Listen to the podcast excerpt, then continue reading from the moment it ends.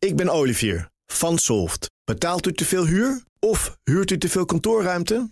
Solft heeft de oplossing. Van werkplekadvies, huuronderhandeling tot de verbouwing. Wij ontzorgen u. Kijk voor al onze diensten op soft.nl. Studio Den Haag. Ja, volgens sommigen al het debat van het jaar, eh, Kees. De Tweede Kamer debatteert over de nederlaag van de provinciale statenverkiezingen voor de coalitie met een herstelde Mark Rutte. En het was goed dat hij fit was, want het ging er fel aan toe in Ja, de zeg Kamer. dat wel, hè? In Den Haag zijn politiek verslaggevers Leonard Beekman en Sofie van Leeuwen. Allebei, wat een eer. Eh goedemiddag. Hey. Goedemiddag. Ja, Leonard, was Rutte inderdaad weer helemaal fit? Want je sprak hem even, hè? Ja, ik sprak hem. Eh, hij kwam ineens het Kamergebouw via de andere kant binnengewandeld. Dus ik was de enige journalist die hem eh, bij de deur kon opvangen. En hij was weer fit. Nou ja, dat is natuurlijk nooit helemaal 100% na zo'n klap. Maar eh, goed genoeg om eh, weer eens even het gesprek aan te gaan met de Tweede Kamer. Uh, u gaat het gesprek aan met de Tweede Kamer. De oppositie laat al weten, regeer of stap op. En zo is het. Zo is het, zegt u ook. Daarom, daarom U rege- gaat vandaag regeren. Nou, al een tijdje. Ja. Dat zal ik dadelijk ook betogen. Ja, en gaat het vandaag alleen over stikstof wat u betreft... of moeten we het breder getrekken? Daar gaat de Kamer over. Ik heb er wel zin in, ja. Belangrijk debat. Ja, Waarom? ja dat weet ik pas na afloop. Maar eh, dat kun je nooit helemaal onderbouwen. Nee, is toch belangrijk, tuurlijk. Eh, de Kamer wil praten over de uitslag van de statenverkiezingen. Altijd goed. Gaat Heeft de Nederlander hier iets aan? Eh, ja, altijd nuttig. Gaat u het compromis van vrijdag eh, hier verdedigen vandaag? Eh, dat lijkt me wel. Zeker. Ja, ja zeker. Ja, was echt eh, weer energiek zoals we hem eh, kenden, kennen. Eh, ik liep samen met hem door de gang zo de persfuik in. En dan werd hij echt door de hele parlementaire pers werd hij daar opgevangen. Iedereen dook bovenop hem. maar ja, hij was ziek, maar dat is vandaag absoluut Nou, voorbij. alleen dat nog niet helemaal 100% Nee? beter. Volgens mij had, ja, dat was wel een zware, wat, ja, een maaggriepje of zo. Of hij had iets verkeers gegeten. Maar Ja. hij was er bijna overheen. Nou, ik zag hem net ook gewoon weer dropjes eten in de plenaire zaal. dus het, eh, dit zal goed zijn. dan heb je een sterke maag. Dan even naar de inhoud, naar het debat. Ja. Eh, dat kabinet wordt niet eh, met handschoentjes aangepakt, kunnen we al zeggen, toch, Sophie? Nee, zeker niet. Zeker niet. Ik, ik vond zelf de mooiste bijdrage toch van Farid Azarkan van Denk. Die zegt: eh, dit kabinet heeft een politieke burn-out. En er werd ook heel veel gelachen hoor in die zaal. En dit zijn de kenmerken van zo'n politieke burn-out. Maar uiteindelijk neemt de weerstand af. Steeds meer pijntjes. Je wordt bevattelijker voor virussen. Je maag reageert anders op eten. Je raakt je sms'jes kwijt. Het actieve geheugen wordt minder. En het typische kenmerk is dat je tegenstrijdige dingen gaat zeggen. We houden een pauze, maar we gaan versnellen. En de meest rare bewegingen. Sigrid. En voorzitter, dat slaat de wanhoop toe. En na een tijdje merk je dat zelfs de meest simpele dingen die worden onmogelijk. Stikstof reduceren lukt niet. Opvangplekken voor vluchtelingen lukt niet. Racisme bestrijden lukt niet. Voldoende woningen bouwen lukt niet. Groningers helpen lukt niet. Ze krijgen niet eens een brief. De toeslagenouders helpen lukt niet. Al dus Farid Azarkan. Ja, dat is wel creatief. Ja, een heel mooie speech, maar ja, geen versnelling in zicht nog vandaag hoor tijdens dit debat. Dus die knoop, die politieke knoop, ook in de coalitie, die zit er nog. En het CDA wil vooral luisteren naar de provincie, roept om tijd. Terwijl andere partijen, met name D66, ja, daar eigenlijk niet aan willen meewerken. Nee, want Leonard, waar staat dan D66 precies? Hebben die echt geen ruimte voor het loslaten van dat 20-30-jaartal? Nou, Jan Paternotte was er eigenlijk in de plenaire zaal heel duidelijk over. Ja, ik heb het volgens mij, vind ik zelf net heel duidelijk gezegd. Dat als je eh, zegt van je moet van dat doel af, dat eh, is eh, een steen in onze schoen, we willen het daarover hebben. Dat kan, alleen dan ligt er een hele zware verantwoordelijkheid op je om dan te laten zien hoe je dat dan moet doen. Omdat je kunt natuurlijk kijken bij heel veel onderwerpen van nou, iets meer voor jou, iets meer voor jou, komen we elkaar tegemoet, komen we elkaar halverwege tegen. Alleen in dit geval hebben we glasheldere wetenschappelijke adviezen... hebben we Johan Remkes tot drie maal toe van stal gehaald. En dat was de laatste keer dat hij zei... het is echt noodzakelijk dat je dat doet. Dat je dat doel, dat duidelijke doel, dat jaartal opneemt. Dus als je zegt, nou, ik denk toch dat we, dat, dat we daar iets beters voor weten... iets anders weten, waarmee je nog steeds kan zorgen dat de natuur zich herstelt... waarmee je nog steeds kan zorgen dat de bouw weer op gang komt... dat de economie van het slot kan... Ik ben heel benieuwd. Alleen, ik zeg u ook heel eerlijk, ik zie het niet. Nee, dus wat Jan Paternotte en D66 doen. Zij zeggen bij D66: natuur moet hersteld worden. En eigenlijk, u, kunt zo, u kan zo meteen het coalitieakkoord openbreken, met ons gaan praten. Maar dan moet u met iets heel goeds komen. waarmee u kan aantonen dat de natuur gaat herstellen. Uh, zonder dat je met stikstof in 2030 al uh, flink aan de gang bent gegaan. Uh, dan kan je ons misschien overtuigen, maar ik zie het niet gebeuren. Ja. En wat doet het CDA dan? Het CDA zegt: ja, maar wij gaan eerst naar die provincies luisteren. En die provincies die gaan zich waarschijnlijk aan de huidige wet houden. En die gaan zeggen: ja, we maken beleid voor 2035. Ja, en dan blijf je lijnrecht tegenover elkaar maar staan. Maar Leender, ik zie daar toch een groot probleem voor D66. Want die partij doet volgens mij op dit moment nergens mee in de provincies. Dus het kabinet zegt de provincie is aan zet. En D66 staat buitenspel, toch? Absoluut. D66 staat buitenspel. Of het CDA zet zichzelf buitenspel. Want van de ChristenUnie gaan we zo meteen nog horen dat zij voorlopig ook zich aan het coalitieakkoord gaan houden. Bij de VVD hebben we dat ook al gehoord.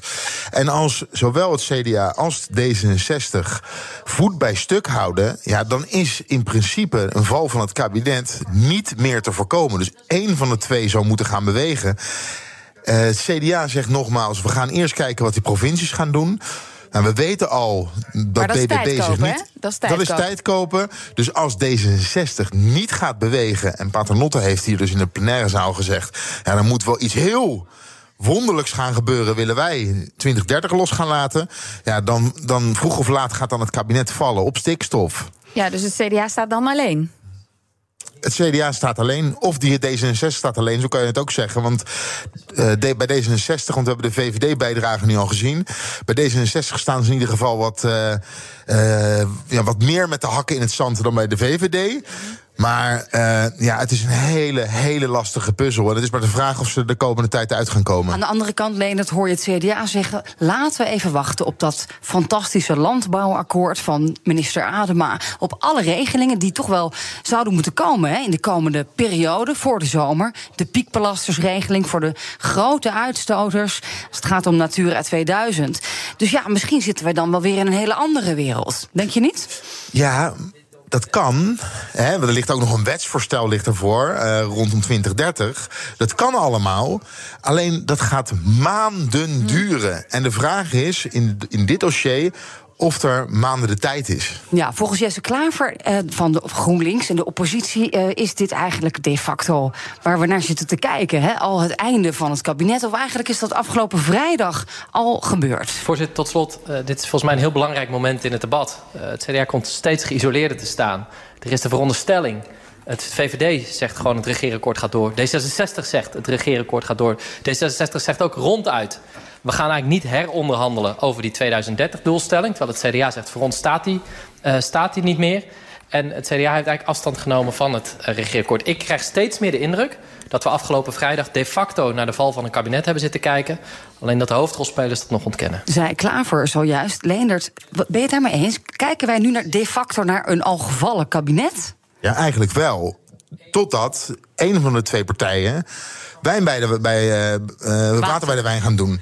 En we weten dat het CDA dat niet meer kan doen. Dus dan is het kijken naar D66, ChristenUnie en de VVD. En dan vooral naar D66. Ja. ja en vandaag heeft D66 ze toch wel heel hard uitgelaten. Nou, we hebben het net al gehoord over de mogelijkheden. Uh, rondom het het heronderhandelen van 2030. En ja, de mogelijkheden zijn er eigenlijk bijna niet. Nou, maar Sophie, hmm. horen jullie niet al een beetje vanuit de achterban... dus niet vanuit de Kamerleden zelf van D66... Van, nou, als er dan iets te onderhandelen is... laten we dan dit maar doen, zodat we door kunnen pakken? Ik denk dat er heel veel mensen zijn, uh, ook, ook achterban of stemmers of binnen de partij, die, die niet zitten te wachten op de val van het kabinet. Dus dan maar aan de bak in de provincies. Dat hoor je heel veel in het debat. En dan maar je verantwoordelijkheid nemen. Ja. Eigenlijk hoor je Jan Paternotte dat ook zeggen. We kunnen niet meer bouwen. Er zijn zoveel problemen in dit land. Gaan we dan de boel laten klappen? Eigenlijk is dat niet een optie nee. voor een partij als D66. Dat is ook een beetje mijn inschatting op dit moment. Ja, uh, en bovendien bovendien, we kopen tijd, dus dan zien we over een paar maanden weer verder. Dit debat gaat ook over de geloofwaardigheid van de politiek. Hè? Dus alles wat hier vandaag in de plenaire zaal gebeurt. Daar zullen ze, hè, dat, dat zal ze voorgehouden worden op het moment dat er gedraaid gaat worden.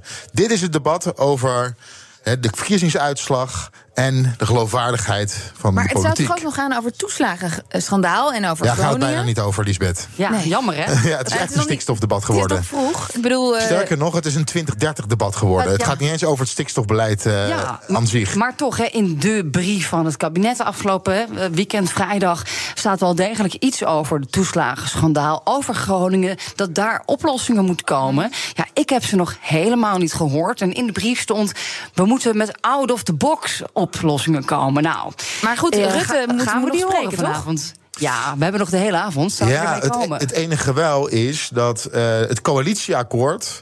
Eh, daar zijn de fractievoorzitters verantwoordelijk voor. Eh, dus het kabinet zal zometeen naar het eigen beleid gaan wijzen. Hè, ook al staan de partijleiders daar. En ze zullen wel als partijleider af en toe spreken. Maar eigenlijk, eh, in vak K spreekt onze regering. Hè, ons kabinet Ja. spreekt daar. En die spreekt met één mond. Dus het gaat heel lastig voor hen worden om de pet van minister af te doen. En daar te gaan staan als partijleider. Dus zij zullen veel verwijzen naar hetgene wat gezegd is door de fractievoorzitters. En ik verwacht eigenlijk dat er niet veel geschoven, hè, wat betreft standpunten. dat we niet zoveel nieuws gaan horen in het deel waarin eh, de, de, de bewindslieden gaan spreken. wat dat betreft is de poging van de oppositie hè, om de boel te laten klappen of uit elkaar Eigenlijk te mislukt al vandaag. is eigenlijk wel mislukt. Dat zie je nu al aankomen. Ja, want dat was mijn vraag. Want de oppositie heeft zijn beurt al gehad, toch? Die, die hebben al voor het belangrijkste deel gehoord. Nou, Die, die mogen nog in de aanval. Dus straks direct, denk na de dinerpauze tegen Mark Rutte. Ja, de andere drie, de Schouten, Hoekstra en Kaag, zitten ook in de zaal. Ja. Eh, ja, die moeten op één lijn eh, blijven. En dat zal nog wel spannend worden. En daar gaat de oppositie natuurlijk alle ballen op inzetten. Maar, maar, Sophie, dat was toch eigenlijk al tijdens de start van dit hele debat... wisten we al dat het mislukt zou zijn. Omdat de oppositie is samen gaan zitten. We gaan elkaar niet aanvallen. Maar de coalitie ook. En die hebben gewoon gezegd... nou, wij blijven elkaar gewoon steunen. We, we Ja, praten eromheen en we gaan gewoon weer door. Dat is opvallend, Kees. Ook de coalitiepartijen die, die, die vragen elkaar niks, die vallen elkaar niet aan. Op dit moment zijn ze met elkaar in gesprek. Dus de Tweede Kamer is weer heel erg met zichzelf in gesprek.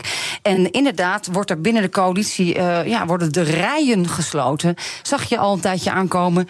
En eh, zo lijkt dit ook vanavond te gaan eindigen. Ja, het is toch wel wonderlijk, want D66 hè, beloofde een nieuwe bestuurscultuur. De Kamer.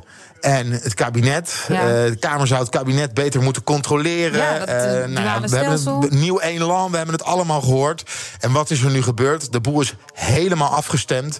En deze ruzie zal zometeen in de achterkamertjes verder gevoerd gaan worden.